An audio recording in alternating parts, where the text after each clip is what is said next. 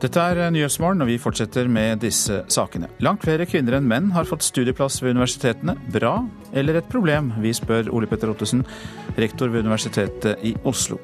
Vi foreslo aldri 7,5 times pålagt arbeidstid på skolene. Det hevder KS når lærerkonflikten nå trappes opp. Våpenhvilen holder på Gazastripen, men tusenvis av skadde pasienter trenger hjelp, og sykehusene mangler utstyr. Og vi får også mer om den hjemmelagede bomben som eh, ble funnet i Siljan i Telemark.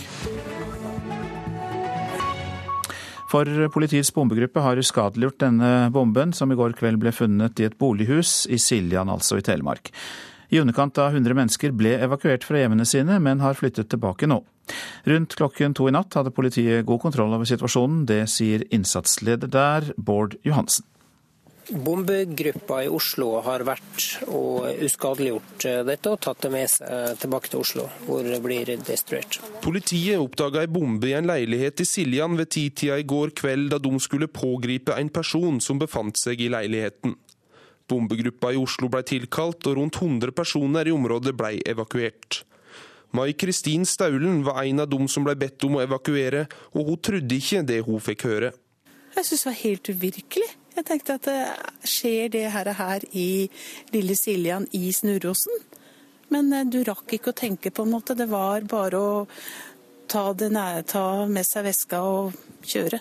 De evakuerte kan flytte hjem, og vi eh, ser oss ferdig foreløpig med stedet. Samboerparet som bor i huset der bomben ble funnet, er pågrepet. Politiet tror ikke de har hatt kontakt med ekstremistiske grupperinger, men har varslet Politiets sikkerhetstjeneste. Reporter var Even Skårberg Årnes. Kvinnene fortsetter å dominere nesten alle fag ved høstens opptak ved universitetene. Det viser tall NRK har hentet inn fra Oslo, Bergen, Trondheim og Tromsø. I Bergen er 75% av de som har kommet inn på legestudiet kvinner, i Tromsø 65% Også på jusstudiet er det klart flertall av kvinner. Ida Andenes Galtung er en av dem. Jeg har absolutt tenkt over det, og vi har snakket mye om det i venninnegjengen. For det er mange venninner. Men eh, det er jo, vi ser det jo på både kurs og forelesninger, så er det mange flere jenter. Eh, og Man skal ikke generalisere hvordan, det påvirker studiemiljøet, men selvfølgelig det er jo grunn for at det flink pike-syndromet heter flink pike. Og det blir en del av det på jussen. I Oslo viser opptakstallene 64% kvinner på juss. Omtrent som i fjor og året før der. Samme trend ser vi i Bergen og Tromsø. Jeg tror at mye av grunnen nå er at, eh, at jentene har gjort det bedre på videregående skole. Medisinstudiet er også dominert av kvinner. I Bergen er kvinneandelen ifølge foreløpige tall 75% i Tromsø 65 Det var jo veldig stor forskjell. Gud, jeg trodde ikke det var så mye. Sier Marion Aslaksen Ravna, som skal begynne på jusstudiet i Tromsø. Hun mener jenter tidlig blir utsatt for et helt annet press enn gutter. Gutter var liksom bare gutter. De bråkte, og det, det var nå sånn de var. Jentene skulle sitte stille, oppføre seg bra og følge med og få det til. Være pliktoppfyllende og gjøre sitt beste uansett. Også i realfag og økonomi haler kvinnene innpå. Det eneste faget hvor kvinnene er i solid mindretall, er informasjonsteknologi. Samlet sett er om lag 60% av de som har fått tilbud om studieplass, kvinner. Altså, Med tanke på at det før har vært mye mer gutter i høyere utdanning, så er jo det på en måte bra, så lenge det ikke går over styr. Sier Ravna, som mener kjønnsbalansen bør bli bedre med flere menn. Det mener jusstudent Ingrid Våge i Oslo også. Jeg tenker jo at det er sunt med en jevnere kjønnsfordeling. Samtidig så er det jo flott at det er de beste kandidatene som, eh, som kommer inn. Da. Og da er det vel kanskje sånn at jentene jobber mer på videregående og bør jo få gehør for det når de søker utdanning. Og studiekollega Ida Andenes Galtung slutter seg til. Og ikke minst for det sosiale miljøet. Jeg mener, Vi trenger jo noen å flørte med på lesesalen, fordi vi er veldig mye på lesesalen. Ja, hvordan går det der nå? Nei, det går bra, altså. Men eh, gutter trengs. Ja, det siste der fikk vi høre fra jusstudent Ida Andenes Galtung. Så får vi se hvordan det går med flørtingen etter hvert i årene fremover. Reporter Katrin Hellesnes, Ellen Borge Christoffersen og Ulla Rafaelsen. Ole Petter Ottesen, velkommen til deg. Du er rektor ved Universitetet i eh, Oslo. Og eh, hva mener du med at eh, de flinke pikene er i ferd med å ta over?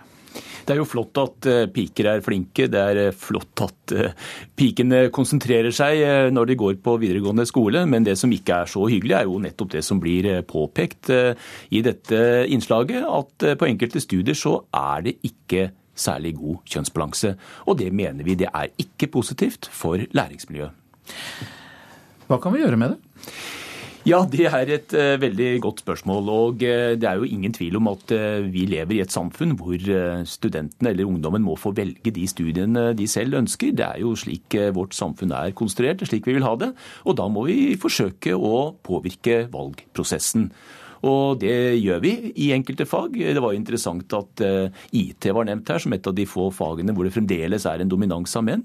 Der gjør vi noe veldig aktivt for å rette opp balansen. Der inviterer vi til det vi kaller IT-camp. Der tar vi inn jenter fra videregående skole for å motivere dem for eh, IT-faget. Og eh, vi bør gjøre noe lignende også i andre fag hvor det er en ubalanse mellom de to kjønnene. Så vi kan komme til å se en juscamp eller medisincamp etter hvert? Det er eh, ganske sannsynlig at eh, slike tiltak vil eh, bli satt i gang hvis denne trenden fortsetter. Og så må jeg jo si da at vi har jo et utmerket samarbeid med Utdanningsetaten, ikke minst i Oslo kommune, nettopp for å komme inn på videregående skole. for å drive litt reklame for de fagene hvor det er en manglende balanse mellom de to kjønn. Forut for eh, universitetene så er det jo videregående skole, og er det noen tiltak der du kan tenke deg å be om? Ja, det er jo akkurat det jeg var inne på nå. Vi, eh, vi har som sagt et kjempebra arbeid med Eh, samarbeid med Oslo kommune nå. Bare om noen dager så skal vi åpne Blindern videregående skole. Eh, Hersleb videregående kom jo også opp nå som et veldig viktig samarbeidstiltak mellom eh, Universitetet i Oslo og Utdanningsetaten. Og her har vi store muligheter nettopp til å drive litt PR for de fagene hvor det er en ubalanse mellom de to kjønnene. Så jeg har klokketro på at eh, vi med et nærmere samarbeid med Utdanningsetaten kan eh, rette opp denne ubalansen over tid. Men dette er langsomme prosesser. Kan du si litt mer om formålet med de to skolene du nevnte der? Ja, disse to skolene de har jo da en akademisk eh, profil. Eh, det er jo meningen at eh, vi på disse to skolene skal få motivert videregående elever for enkelte fag på universitetet. Det er jo slik at vi skal bruke noen av våre egne lærere inn mot disse skolene. Og det vi får tilbake er jo ikke minst det at disse skolene kan bli et sted hvor vi får praksisplasser for våre lektorstudenter. Vi satser jo veldig mye på lektorutdanningen. Slik at min holdning er at eh, ved et tettere samarbeid mellom universitet og videregående skole, så kan vi påvirke disse prosessene på en god måte. For eh, vi, vi trenger en bedre balanse mellom de to kjønnene. Av akkurat de samme grunnene som ble nevnt i dette innslaget. Mange takk, Ole Petter Ottersen, som er rektor ved Universitetet i eh, Oslo. Kommunenes organisasjon KS hevder at de aldri foreslo 7,5 times arbeidsdag for lærerne. I går varslet Utdanningsforbundet opptrapping til storstreik ved skolestart.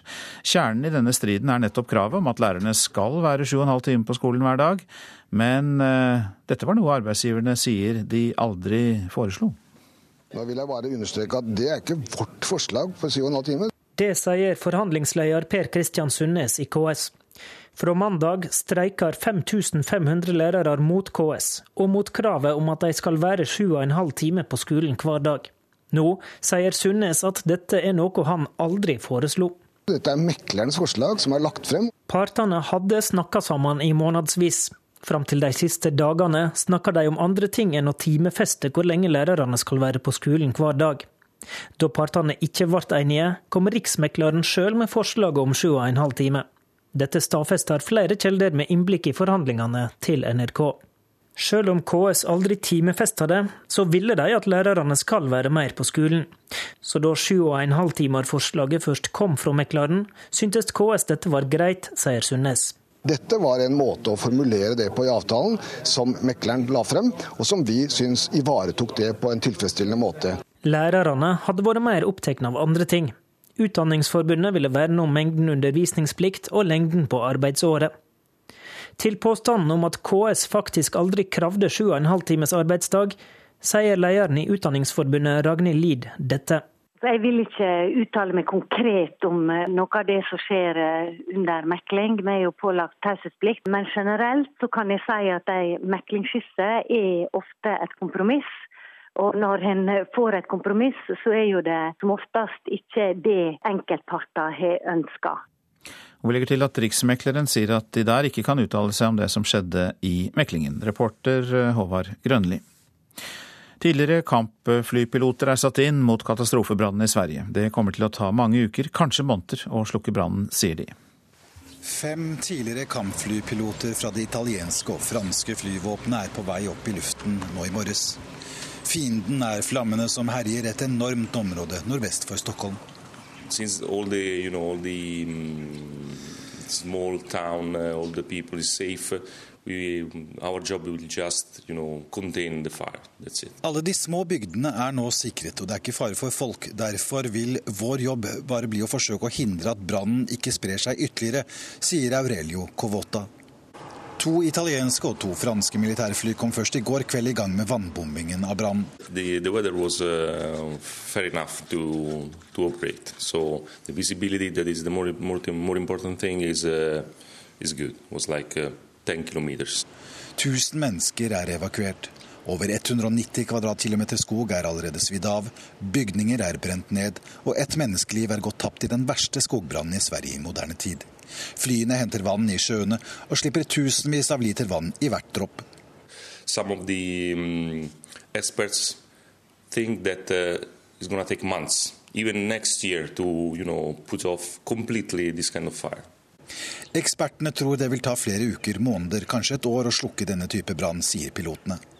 Øyvind Nyborg, Vesterås. Klokka den er kvart over sju om eh, få sekunder. Dette er hovedsaker. Politiets bombegruppe har uskadeliggjort den hjemmelagde bomben som i går kveld ble funnet i et bolighus i Siljan i Telemark. Det er langt flere kvinner enn menn som har fått plass på de fleste universitetsstudiene her i landet til høsten. De er i klart flertall på juss- og legestudiene. Vi foreslo aldri sju og en halv times pålagt arbeidstid på skolene under tariffoppgjøret. Ja, det hevder KS nå når lærerkonflikten trappes opp. I Gaza har våpenhvilen holdt i natt, men tusenvis av skadde pasienter trenger fortsatt hjelp, og sykehusene mangler utstyr. Sykehusdirektør Mohammed Al-Masri ser medtatt ut. Han driver et lite privat sykehus som var det eneste som fungerte her i Rafa sør i Gaza da kampene raste som verst inn mot våpenhvilen. Gårdsplassen ble brukt som akuttmottak. Der står nå en mann og spyler bort blodrester. På det som var tannlegestua, ligger likkledene som ble brukt til å svøpe de drepte. Og i venterommet står en tom iskremfryser i rosa og blått med reklame for en iskaldt Milano. Denne brukte vi for å lagre døde barn fordi de var så små. Det var mange døde barn der. De ble lagret noen timer før de ble begravet, sier Al-Masri. Sykehuset hadde ikke noe ordentlig likhus som kunne ta unna for strømmen av de døde. Voksne drepte ble oppbevart i et kjølelager som til vanlig blir brukt for grønnsaker. I løpet av våpenhvilen har sykehusets intensivpasienter blitt flyttet til et større sykehus. På en seng ligger en eldre mann med en skuddskade i beinet. Det var klokken ni fredag morgen, dagen for den forrige våpenhvilen. Vi vendte hjem, men så snart vi var kommet dit, begynte bombingen fra tanks, jagerfly og alle mulige våpen, forteller Moselm Abu Awad. Selv om sykehuset altså har fått unna de mest kritiske pasientene, er direktøren fortsatt bekymret. Som alle andre sykehus i Gaza mangler de utstyr.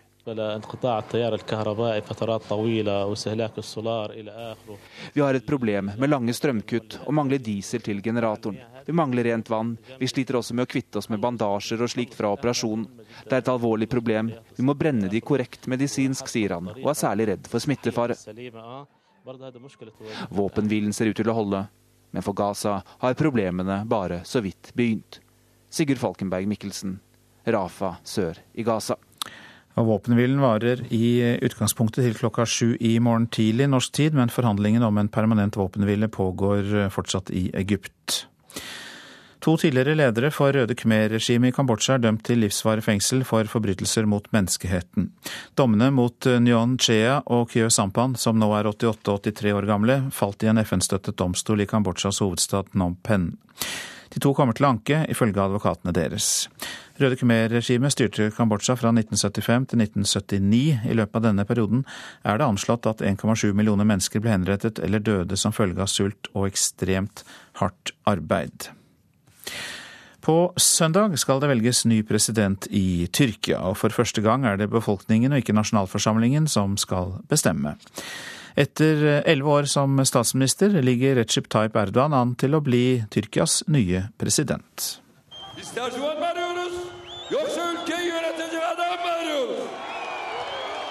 Den tyrkiske statsministeren holder valgkampmøte i Istanbul. Han står på scenen og taler engasjert foran én million entusiastiske støttespillere. Det veives i flagg. Applaus og jubel sitter løst. Tajib Erdogan forteller om alle forbedringene i Tyrkia i løpet av hans tid som statsminister. Og han lover å fortsette langs den samme linja hvis folket velger han til president på søndag. For landet har opplevd økonomisk vekst og stabilitet det siste tiåret. Samtidig har Erdogan blitt beskyldt for å være egenrådig og autoritær og ført landet, som ligger ytterst i Europas hjørne, drastisk nedover på listen over land med størst pressefrihet. Dersom Erdogan vinner valget på søndag, er det forventet at han kommer til å gjøre endringer som gir mer makt til presidenten. Reporter Hilde Sveig Kolstad. Dekan Camilla Trud Nereid ved Høgskolen i Sør-Trøndelag, god morgen til deg. Eh, god morgen. Du er med oss eh, fra Trondheim, studio der, og du har jo doktorgrad i moderne tyrkisk historie. Så hva er det som eh, ser ut til å gjøre Erdogan til en favoritt i presidentvalget? Det er jo som det ble sagt innledningsvis her, Tyrkia har jo under Erdogans regime opplevd en økonomisk vekst som vel ingen trodde var mulig da landet i utgangspunktet i 2001 befant seg i en meget vanskelig økonomisk situasjon med full finanskrise utløst eh, av politisk uenighet mellom eh, den daværende presidenten og statsministeren. Eh, den økonomiske veksten har jo også da mm, veldig viktig, har jo også ført til sosial utjevning, og slik at majoriteten av befolkningen i Tyrkia i dag tilhører middelklassen. Nå gjennomførte jo også Erdogan som statsminister eh, demokratiske reformer, men i senere tid er han blitt eh, anklaget for å bli eh, for å arrestere studenter, journalister og bli veldig egenrådig. Hva slags type politiker er han egentlig? Han er eh, først og fremst en eh, stor karismatisk leder som eh, vet å spille på følelser og verdier som, som sitter dypt i den store majoriteten av befolkningen i, i, Tyrkia. Men det er jo riktig at vi har sett stadig mer autoritære trekk fra hans side etter hvert som hans maktposisjon har blitt mer og mer ubestridt. Han har jo nå vunnet eh, tre parlamentsvalg med stadig økende oppslutning, og det siste lokalvalget som var i mars, ga jo også hans parti et overveldende flertall med 45% av stemmene nasjonalt, noe som eh, blir tolka som eh, den sikreste meningsmålingen i forkant av det forestående presidentvalget på søndag. Det er jo første gang Tyrkia går til direkte valg på president, som vi hørte. Tidligere har jo parlamentet utpekt presidenten. Hva er årsaken til denne endringen? Eh, endringen ble vedtatt gjennom en konstitusjonsendring i 2007 som i utgangspunktet ikke fikk det nødvendige tre fjerdedels flertall i parlamentet, men som da ble sendt ut på folkeavstemning og gikk igjennom eh, på den måten. Det er vel liten grunn til å tro at uh, gjennom et direkte presidentvalg vil presidenten få større demokratisk legitimitet, som han igjen da i neste omgang kan bruke for å utvide presidentens fullmakter. For eh, per i dag så har jo presidentembetet kun en konserverende og utsettende og, og, og bremsende eh, rolle i, politisk. Men eh, dette er jo grunn til å tro at Erdogan vil forsøke å endre dersom, eller vi kan jo nesten si når han nå velges til president. Hva vil du si om hans demokratiske sinnelag? Kommer han til å trekke Tyrkia i mer demokratisk retning, eller i mer autoritær og islamistisk retning? Han har jo trukket Tyrkia i mer demokratisk retning allerede. Eh, de frihetene som f.eks. den kurdiske befolkningen nå eh, har fått, Eh, er jo et resultat av Erdogans politikk, som sånn sett skiller seg kraftig fra den det foregående sekulære regimet sto for. Eh, det er vel heller ikke sånn at det er noen nødvendig sammenheng mellom det å ha et islamsk verdigrunnlag og det å være autoritær. Men at, men at, det kan se ut som at makten har gått Erdogan til hodet i det siste det siste året, det, det er det jo eh, mange, mange, tegn på. Men eh, det som er vel så oppsiktsvekkende her, det er jo å se litt på motkandidatene til, eh, til statsminister Erdogan. F.eks. kandidaten til de to største opposisjonspartiene, Ekmeledin Isan Olo, som er en islamsk akademiker, og som har islam som sin fremste identitetsmarkør i tillegg til det å være en akademiker. Det her er veldig oppsiktsvekkende og helt utenkelig i Tyrkia bare for, eh, for få år siden. Og dermed har eh, Tyrkia utviklet seg mye i løpet av disse årene. Hjertelig takk for at du var med, Camilla Trud Nereid ved Høgskolen i eh, Sør-Trøndelag. Nå til eh, presserunden. Forsvarsbygg punget ut 17 eh, 000 kroner for å få på et leserbrev, skriver Dagsavisen. Et PR-byrå ble nemlig leid inn for å skrive et innlegg i Aftenposten som svar på en artikkelserie der. Forsvarsbygg har egen kommunikasjonsavdeling, men betalte likevel et PR-byrå 1700 kroner for hver setning i dette leserbrevet. Han skjøt en politimann og truet en annen for 30 år siden. Nå har Bergens Tidende ført dem sammen igjen. Gjerningsmannen Tor Harry Lind har sonet sin straff og er glad for møtet, men sier skammen alltid vil henge over ham. Politimennene Per Stigler og Harald Brekkhus sier det er en tilbakelagt episode for dem. Trass i det som skjedde, er begge politimennene motstandere av bevæpnet politi i Norge. Innbruddstyvene spaner på boligen din før de går til aksjon, skriver VG. De finner stadig nye og utspekulerte metoder for å ta seg inn i boligen når du ikke er hjemme. Hasj på resept må ikke gi frislipp, det sier professor Jørgen Bramnes ved Senter for rus- og avhengighetsforskning til Vårt Land. Bramnes frykter at, en, at reseptblokken skal bli brukt som bakdør for å gjøre hasj lovlig. Regjeringen sliter med å innfri egne EU-løfter, er oppslaget i Aftenposten. Ostetoll og post postdirektiv står i kø. Utålmodigheten med Norge øker i Brussel. Nei, det er bedre å vente på gode løsninger, svarer EØS-minister Vidar Helgesen. NHO-presidenten går knallhardt ut mot Høyre, kan vi lese i Dagens Næringsliv. Han krever nemlig halvert formuesskatt til 0,5% Noe annet ville være et løftebrudd, sier Tore Ulstein. Skattelette er ikke viktigst for Fremskrittspartiet, kan vi lese i Klassekampen i dag. Det blir friske milliarder til Nye Veier når Siv Jensen legger fram sitt første budsjett, og det syns grasrota i Frp er viktigere enn skattelette, skriver avisa. Oppsving for norsk lokalmat, det er oppslaget i Nasjonen. Over halvparten av oss foretrekker norsk mat. Tidligere måtte vi be på våre knær for å få kunder, nå har vi venteliste. Det sier Egil Smith Meyer i gårdsysteriet Tingvoll Ost på Nordmøre. Her kan du snart bade fra byens nye strand, skriver Adresseavisen. En fjordpark med nytt strandlandskap skjermet for biler tar form mellom Skansen og Brattøra i Trondheim. USAs president Barack Obama mener det er for tidlig å slå fast at en eksperimentell medisin som er gitt til to ebolasmittede amerikanere, virkelig er effektiv. De to som eh, ble smittet mens de behandlet eh, ebolasyke i Liberia, har vist tegn til bedring etter at de mottok medisinen. Uh, what we do know is that uh, the Ebola virus, uh, both currently and in the past, vi vet ennå ikke om denne medisinen virkelig hjelper, men det vi vet er at ebola kan kontrolleres, sier president Barack Obama. Den største ebolaepidemien verden har sett, var naturlig nok et viktig tema da han i natt møtte 45 stats- og regjeringssjefer fra Afrika, som er her i Washington på toppmøte nå. De to amerikanske helsearbeiderne som ble smittet i Liberia, har vist tegn til bedring etter at de fikk en eksperimentell medisinsk cocktail som aldri er blitt brukt på mennesker før. The, the availability of it, the amount of it, the number of. Vi har et svært begrenset antall doser av denne medisinen, og det er ikke mulig å masseprodusere den nå, forklarer ebola-ekspert dr. Anthony Fauci ved det nasjonale helseinstituttet her.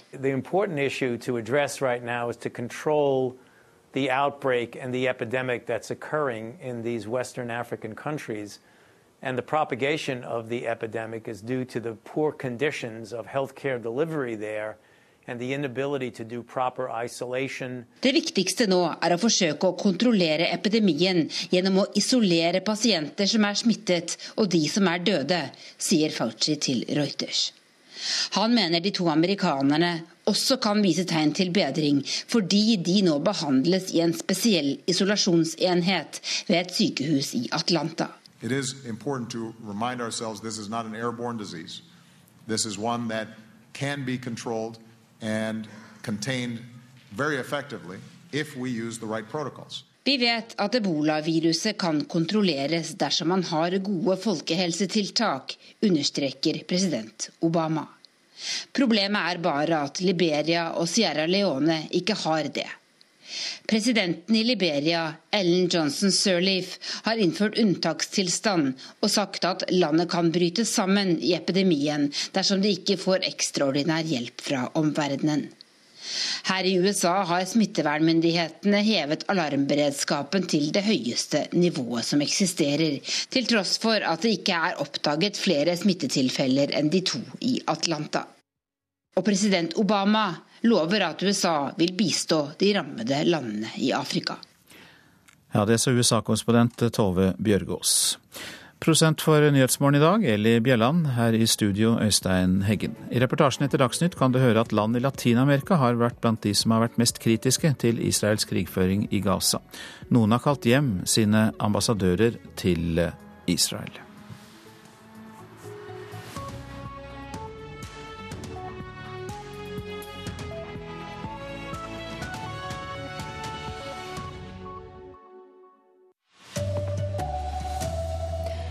Ei heimelaga bombe spredde frykt i Siljan i går kveld. Kring 100 naboer måtte forlate husene sine. Et sykehus i Gaza fikk inn så mange døde unger under krigen der at de måtte ta i bruk en iskremfryser for å ha dem i. Og Flertallet av de nye universitetsstudentene er kvinner. På de mest krevende studiene blir det stadig færre menn. Her er NRK Dagsnytt klokka 7.30. Politiets bombegruppe har uskadeliggjort bomber som ble funnet i et hus i Siljan i Telemark i går kveld. Det var da politiet skulle gjøre en arrestasjon i ei straffesak at de fant denne hjemmelaga bomba. Innsatsleder Bård Johansen sa i natt at politiet ble ferdig med situasjonen på staden. De evakuerte kan flytte hjem, og vi eh ser oss ferdig foreløpig med stedet. For rundt 100 personer ble evakuert fra boligene sine da politiet fant bomben som besto av rundt 1 kilo TNT med lunte i går kveld. Mai Kristin Staulen var en av dem. Jeg syns det var helt uvirkelig. Du rakk ikke å tenke, på en måte. Det var bare å ta, nære, ta med seg veska og kjøre. Politiet vil ikke si hva personen i utgangspunktet skulle pågripes for. Paret som bor der bomben ble funnet er 23 og 33 år gamle. De er kjent for politiet som kriminelle, men det er alt de vil si om paret. De to var ikke mulig å avhøre i natt, forteller operasjonsleder Vidar Aaltvedt. De er ikke i en eh, sånn form at de ønsker å snakke med politiet i natt. Politiet fant også noe narkotika i forbindelse med pågripelsen. Det skal ikke være mistanke om at paret er knyttet til ekstreme eller terrormiljøer. Det sa reporter Anna Rydland Nærum. KS hevder at de aldri foreslo sju og en halv time arbeidsdag for lærere. I går varsla Utdanningsforbundet opptrapping til storstreik ved skolestart. Kjerna i striden er nettopp kravet om at lærere skal være sju og en halv time på skolen hver dag. Men det konkrete timetallet kom aldri fra arbeidsgiverne. Nå vil jeg bare understreke at det er ikke vårt forslag på syv og en halv time. Det sier forhandlingsleder Per Kristian Sundnes i KS. Fra mandag streiker 5500 lærere mot KS, og mot kravet om at de skal være sju og en halv time på skolen hver dag. Nå sier Sundnes at dette er noe han aldri foreslo. Dette er meklerens forslag som er lagt frem. Partene hadde snakka sammen i månedsvis. Fram til de siste dagene snakker de om andre ting enn å timefeste hvor lenge lærerne skal være på skolen hver dag. Da partene ikke ble enige, kom Riksmekleren sjøl med forslaget om sju og en halv time. Dette stadfester flere kilder med innblikk i forhandlingene til NRK. Sjøl om KS aldri timefesta det, så ville de at lærerne skal være mer på skolen. Så da sju og en halv timer-forslaget først kom fra mekleren, syntes KS dette var greit, sier Sundnes. Dette var en måte å formulere det på i avtalen som vi syns ivaretok det på en tilfredsstillende måte. Lærerne hadde vært mer opptatt av andre ting. Utdanningsforbundet ville verne om mengden undervisningsplikt og lengden på arbeidsåret. Til påstanden om at KS faktisk aldri kravde 7,5 times arbeidsdag, sier lederen i Utdanningsforbundet Ragnhild Lid dette. Vi er jo pålagt taushetsplikt, men generelt så kan jeg si at ei meklingsskisse er ofte et kompromiss. Og når en får et kompromiss, så er jo det som oftest ikke det enkeltparter har ønska. Og Riksmekleren kan ikke uttale seg om det som skjedde i meklinga. Reporter her Håvard Grønli. Sykehusene i Gaza mangler det meste for å hjelpe de mange som trenger medisinsk behandling. De hardest skadde etter krigen er nå sendt videre, men utslitne leger har fremdeles tusenvis av hardt skadde pasienter som trenger hjelp. Sykehusdirektør Mohammed Al-Masri ser medtatt ut. Han driver et lite privat sykehus som var det eneste som fungerte her i Rafa sør i Gaza da kampene raste som verst inn mot våpenhvil. Gårdsplassen ble brukt som akuttmottak. Der står nå en mann og spyler bort blodrester. På det som var tannlegestua ligger likkledene som ble brukt til å svøpe de drepte, og i venterommet står en tom iskremfryser i rosa og blått med reklame for en iskaldt Milano. Denne brukte vi for å lagre døde barn fordi de var så små. Det var mange døde barn der. De ble lagret noen timer før de ble begravet, sier Al-Masri. Sykehuset hadde ikke noe ordentlig likhus som kunne ta unna for strømmen av de døde. Voksne drepte ble oppbevart i et kjølelager som til vanlig blir brukt for grønnsaker. I løpet av våpenhvilen har sykehusets intensivpasienter blitt flyttet til et større sykehus. Selv om sykehuset altså har fått unna de mest kritiske pasientene, er direktøren fortsatt bekymret. Som alle andre sykehus i Gaza mangler de utstyr. Vi har et problem med lange strømkutt og mangler diesel til generatoren. Vi mangler rent vann. Vi sliter også med å kvitte oss med bandasjer og slikt fra operasjonen. Det er et alvorlig problem. Vi må brenne de korrekt medisinsk, sier han, og er særlig redd for smittefare. Våpenhvilen ser ut til å holde, men for Gaza har problemene bare så vidt begynt. Sigurd Falkenberg Mikkelsen, Rafa sør i Gaza. Liberia innfører nå unntakstilstand pga. ebolautbruddet i landet. Epidemien truer Liberias evne til å overleve som stat, advarer president Ellen Johnson Sirleaf.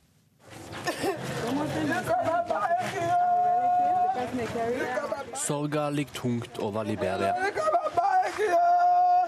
Nok et liv har måttet gi tapt for det dødelige ebolaviruset.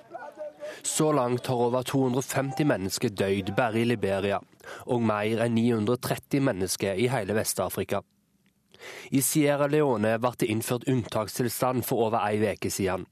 Og nå er det Liberia som står for tur. Og president Ellen Johnson Sirleaf legger ikke noe mellom når hun skildrer situasjonen. I et utsegn sendt ut i går kveld sier presidenten at hele Liberias eksistens nå står i fare og at landet er avhengig av alle ekstraordinære tiltak for å kunne overleve som stat. Utbruddet i Vest-Afrika er det mest alvorlige ebolautbruddet noensinne, og står for så mye som en tredjedel av alle ebolarelaterte dødsfall i verdenshistorien. Det sa reporter Vegard Kjørom. Kvinnene holder fram med å dominere nesten alle fag på universitetene i høst. Det syner tall fra Oslo, Bergen, Trondheim og Tromsø. Tre av fire som starter på legestudiet i Bergen er kvinner. Også på juss er det stor overvekt av kvinner. På kollokviegruppen min er det bare jenter, ja, så vi, vi savner gutta. Vi gjør det. Sier Ida Andenes Galtung, som er jusstudent i Oslo. Jeg tror at mye av grunnen nå er at eh, at jentene har gjort det bedre på videregående skole. Formens lærerne er menn Professorer, kurslærere, jeg har nesten bare menn som undervisere. Er studentene kvinner.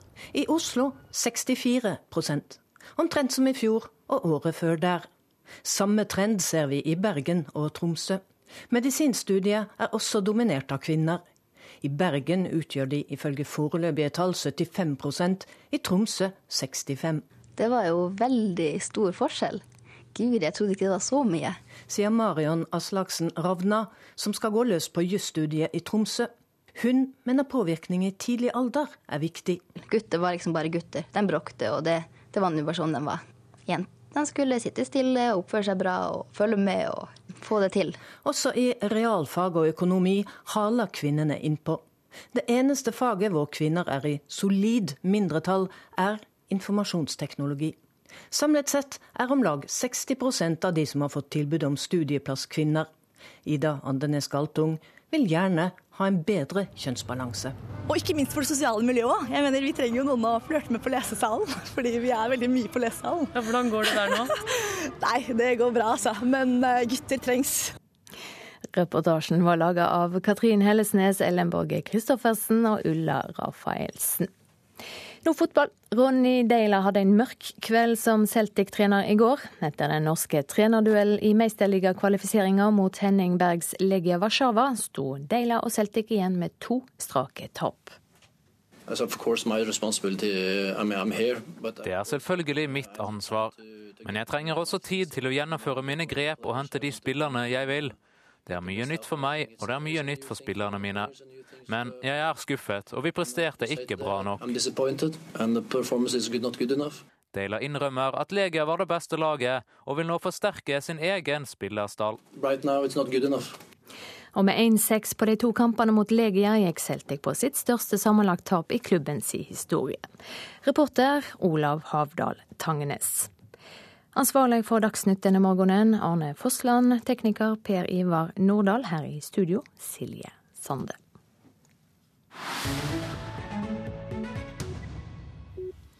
Da slår vi fast at du lytter til Nyhetsmorgen. Land i Latin-Amerika er blant de som har vært eh, de mest kritiske til Israels krigføring i Gaza. Der har titusener av mennesker demonstrert mot krigen. Israel er blitt kalt en terroriststat og beskyldt for folkemord. En rekke søramerikanske land har også kalt hjem sine ambassadører fra Israel. Arnt Stefansen i Rio har sendt oss denne reportasjen. Morder, morder, roper tusener av mennesker som har samlet seg foran den israelske ambassaden i Chiles hovedstad Santiago. Israel myrder det palestinske folket, roper demonstrantene, som bærer plakater med tekster som 'folkemord' og 'sionisme er lik nazisme'. Mange av deltakerne i demonstrasjonen er selv av palestinsk herkomst. Chile har nærmere en halv million innbyggere med palestinsk bakgrunn etter flere innvandringsbølger fra Midtøsten. De fleste av palestinerne i Chile er kristne. Denne krigen har utviklet seg til en korsfestelse av det palestinske folk, sier lederen for den chilenske palestinaforeningen Mauricio Abogor. Israelske styrker har myrdet tusener av sivile, blant dem flere hundre barn, som ikke har noe å gjøre med angrepene mot Israel, sier han. Krigen i Gaza har satt sinnene i kok over hele Latin-Amerika. Titusener av mennesker har gått ut i gatene og protestert, og de politiske reaksjonene er sterke. Den hardeste kritikken kommer naturlig nok fra venstreregimer som Bolivia, der president Evo Morales har satt Israel på sin liste over terroriststater, og fra Venezuela, der myndighetene har beskyldt israelske styrker for folkemord i Gaza men også i land med mer moderate regjeringer, som Chile, Brasil, Argentina, Uruguay og Peru, har kritikken mot Israel vært massiv. Sjelden har landene i Latin-Amerika stått så samlet i synet på en internasjonal konflikt, og en rekke land har kalt hjem sine ambassadører fra Israel i protest mot krigshandlingene. Myndighetene i Argentina, som har den største jødiske befolkningen i Sør-Amerika, har kalt inn den israelske ambassadøren i Buenos Aires på teppet. Israel! Sionista! Terrorista! Få steder i verden har fordømmelsen av Israel og støtten til palestinerne vært sterkere enn her i Latin-Amerika. Hva er årsaken til dette? Den chilenske venstrepolitikeren Daniel Jadot, som deltar i en demonstrasjon foran USAs ambassade i Santiago, har følgende forklaring. Det er ikke så lenge siden vi sist sto her og demonstrerte mot en krig i Gaza. Det er den samme tragedien på ny. En overmektig militærmaskin som angriper en nærmest forsvarsløs befolkning, og som har verdens mektigste land i ryggen. Det er derfor så mange her i Latin-Amerika protesterer. Vi er selv blitt tråkket på av denne supermakten, og vi føler en sterk solidaritet med palestinerne, fordi vi vet hva det vil si å bli undertrykket, sier han. Dette er Nyhetsmorgen, og dette er hovedsakene nå. Politiets bombegruppe har uskadeliggjort den hjemmelagde bomben som i går kveld ble funnet i et bolighus i Siljan i Telemark. Det er langt flere kvinner enn menn som har fått plass på de fleste universitetsstudiene her i landet til høsten. Det er klart flertall både på juss- og legestudiene. Tidligere kampflypiloter er satt inn mot katastrofebrannen i Sverige. Det vil ta mange uker, kanskje måneder, å slukke brannen, sier de. Ja, vi går videre på dette med kvinnene og universitetene, for de dominerer nesten alle fag ved høstens opptak. Det har vi fortalt nå i morgentimene.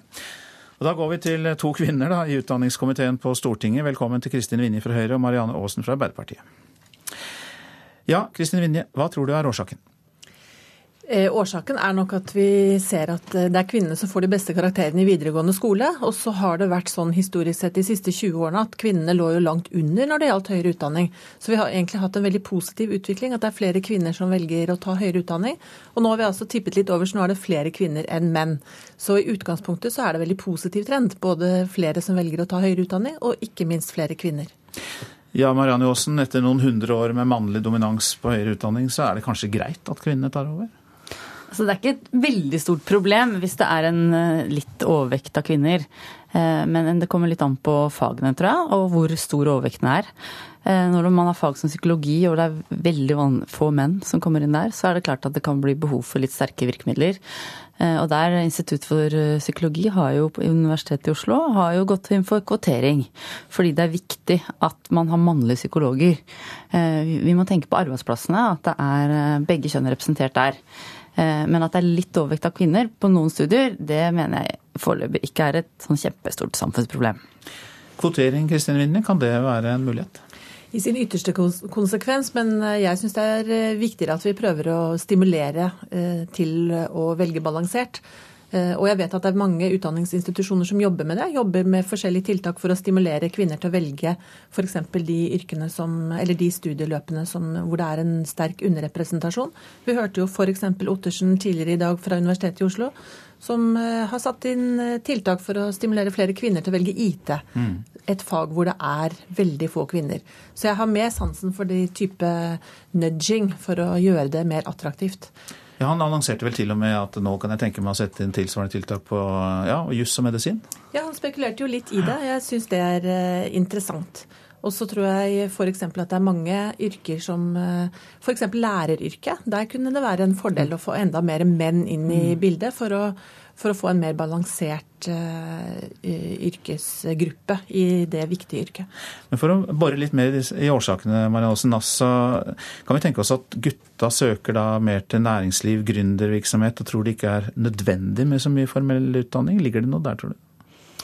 Eh, det blir jo litt spekulasjoner, da. Men eh, i næringsliv og særlig lederposisjoner så er det jo mange menn som, som, blir toppledere, selv om kvinner da har bedre karakterer og bedre formell utdanning. Mm. Så det kan hende at de, at de, behersker de uformelle nettverkene bedre, og at kvinner må kompensere med å, å ha det i orden på papiret, ha de beste resultatene som kan dokumenteres, uh, for å matche menn. Uh, så det kan godt tenkes er en mulighet. Uh, men jeg tror nok at Eh, det, det, er jo også muligens at vi skal tenke på litt andre inntaksformer. At vi skal tørre å gjøre det som Politihøgskolen gjør. Eh, Forsvaret gjør også det til, at de velger seleksjon på kandidater som har et mye bredere opptaksgrunnlag enn bare hva som står på papiret, og om du mestra eksamen. For det er jo små marginer her òg, ikke sant, på hva snittet blir. Der er det jo intervjuer. altså Lærerutdanninga blir jo nevnt her av Kristin Vinje. I Finland så må du gjennom en intervjurunde for å bli lærer. Nettopp fordi at du skal i kontakt med mennesker så tett på. Du skal være god i forhold til barn og jobbe tett på dem. Og da er det andre egenskaper enn bare det rent akademiske som teller, mener Finland. Og de har jo gode skoleresultater. Sånn at, at noen studier i Norge begynner å tenke litt utradisjonelt på opptakskriterier, kan kanskje bøte litt på de stedene det er veldig skjev eh, kjønnsandel.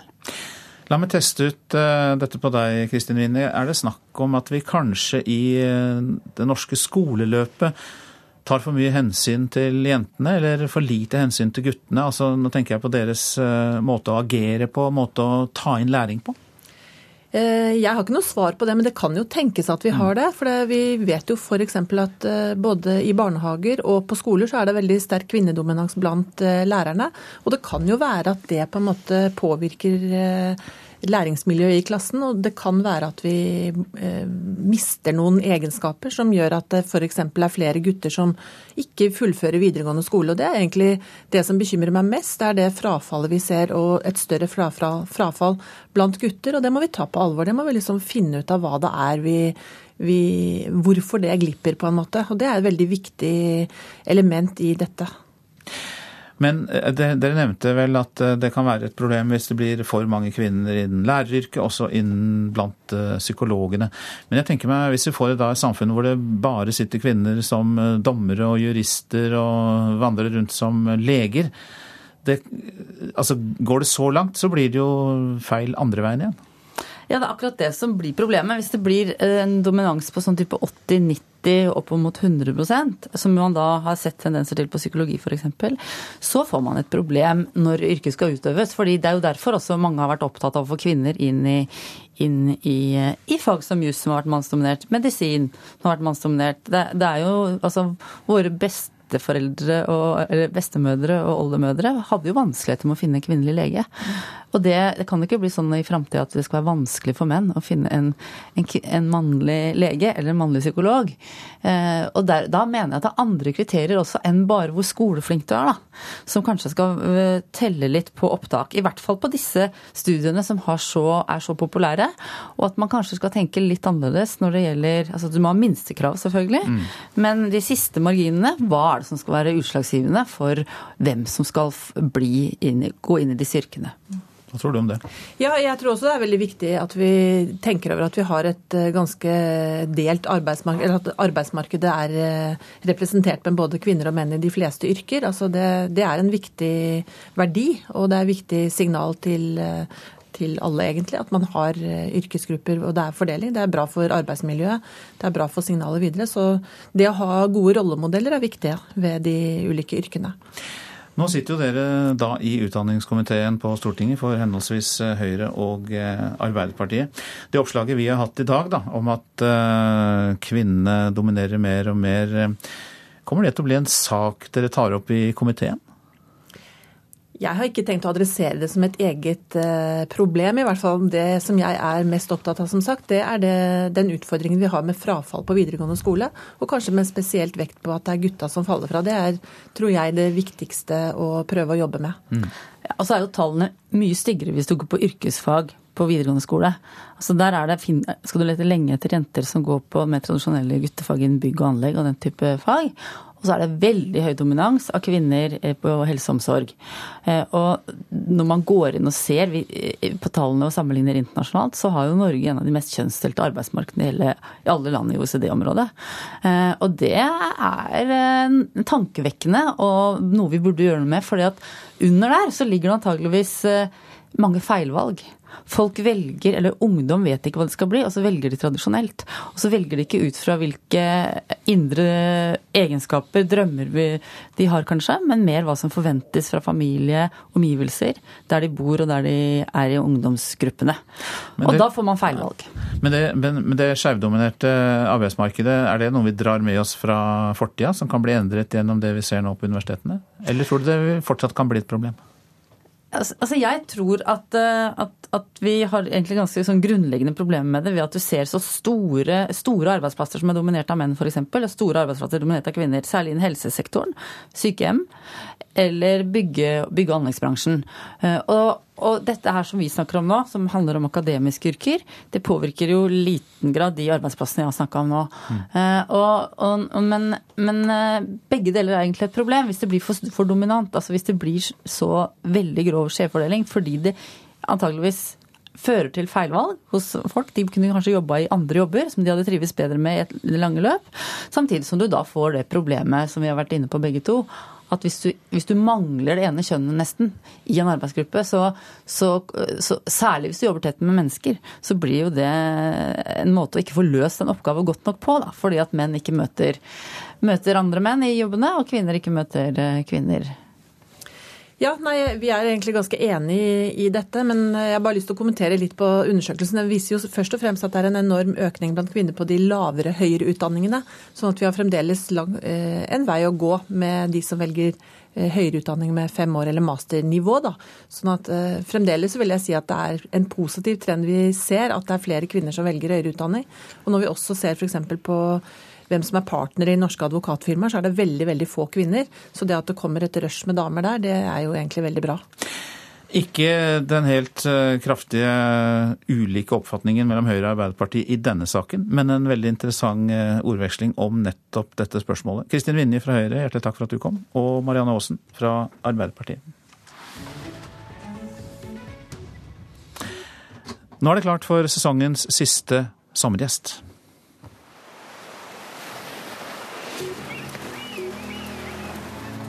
Sommerserien i Nyhetsmorgen. Navn? Jette Christensen. Yrke? Stortingsrepresentant for Arbeiderpartiet. Hva har du gjort i sommerferien? Jeg har vært i Egersund, der jeg og dialekten min kom ifra. Og så har jeg vært en tur i Italia. Hvem som du ikke kjenner, ville du gjerne delt en kurv med jordbær med? Hans-Wilhelm Steinfeld. Hvorfor det? Hvorfor ikke? Bør det bli lov å ta seg en øl eller et glass vin i parken? Det er hyggelig å drikke øl og vin i parken, men det er jo hyggelig for barn å være i en park der folk kan oppføre seg. Og jeg syns at den ordningen som vi har i dag, ivaretar begge deler. Bør hasj legaliseres?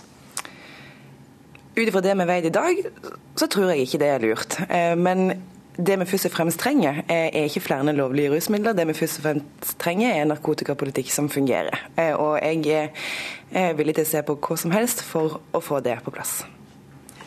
Gir du til tiggere? Jeg prøver å hjelpe de som trenger hjelp, når jeg kan.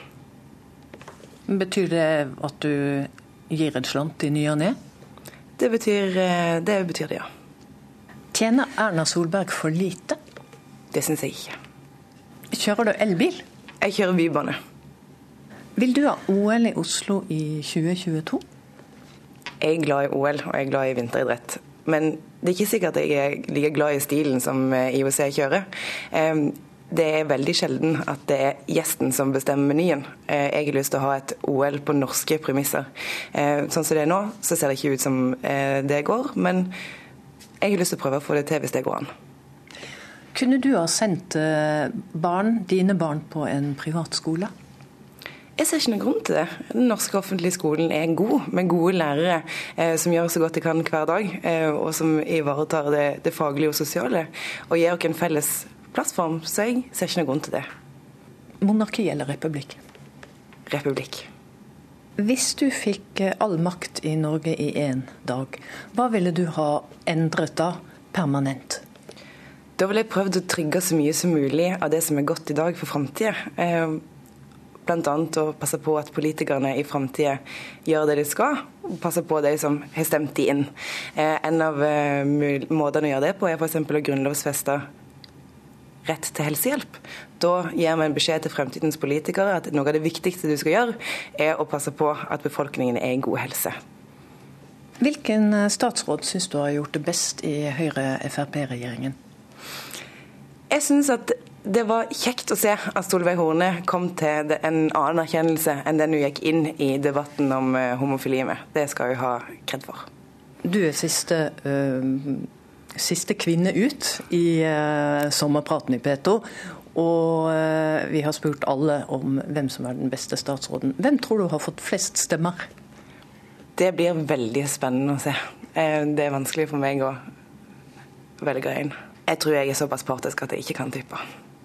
Du får eh, fasiten på samme tid i morgen eh, i Petters Nyhetsmorgen. Men hvilken statsråd eh, tror du blir den første som må gå fra den blå regjeringen?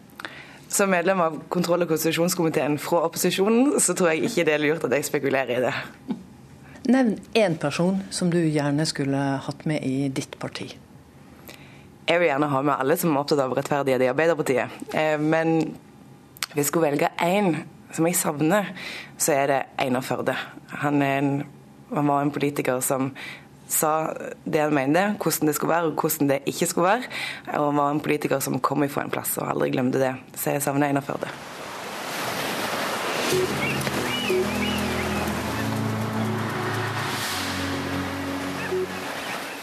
Arbeiderpartiets Jette Christensen, intervjuet av Katrin Hellesnes. Så var det værvarselet. Fjell i Sør-Norge, etter hvert litt regn, først i sør. Østlandet opphold og perioder med sol, men fra ettermiddag litt regn i vestlige deler. Telemark fra i formiddag litt regn i indre strøk, eller stort sett opphold. Agder regnbyger først i vest, kan hende med torden. Rogaland og Hordaland regnbyger, utrygt for torden. Sogn og Fjordane etter hvert regnbyger, først i ytre strøk, utrygt for torden. Møre og Romsdal stort sett pent, fra i ettermiddag regnbyger riktignok, og utrygt for torden også der. Trøndelag etter hvert stort sett pent vær, i kveld regnbyger i sør, kan hende med torden. Nordland på kysten nordøstlig opp i liten kuling, seinere sørvestlig, i Vestfjorden opp i stiv kuling. Lokale regnbyger i Nordland, etter hvert oppholdsvær, og i sør pent vær. Troms på kysten etter hvert sørvestlig periodevis stiv kuling, opphold og perioder med sol. Fra i ettermiddag regnbyger, kan hende med torden. Finnmark til dels pent vær, fra i ettermiddag mulighet for regnbyger i vest. Og så Nordensjøland på Spitsbergen. Der blir det oppholdsvær. Dagsnytt nå, deretter Kulturnytt.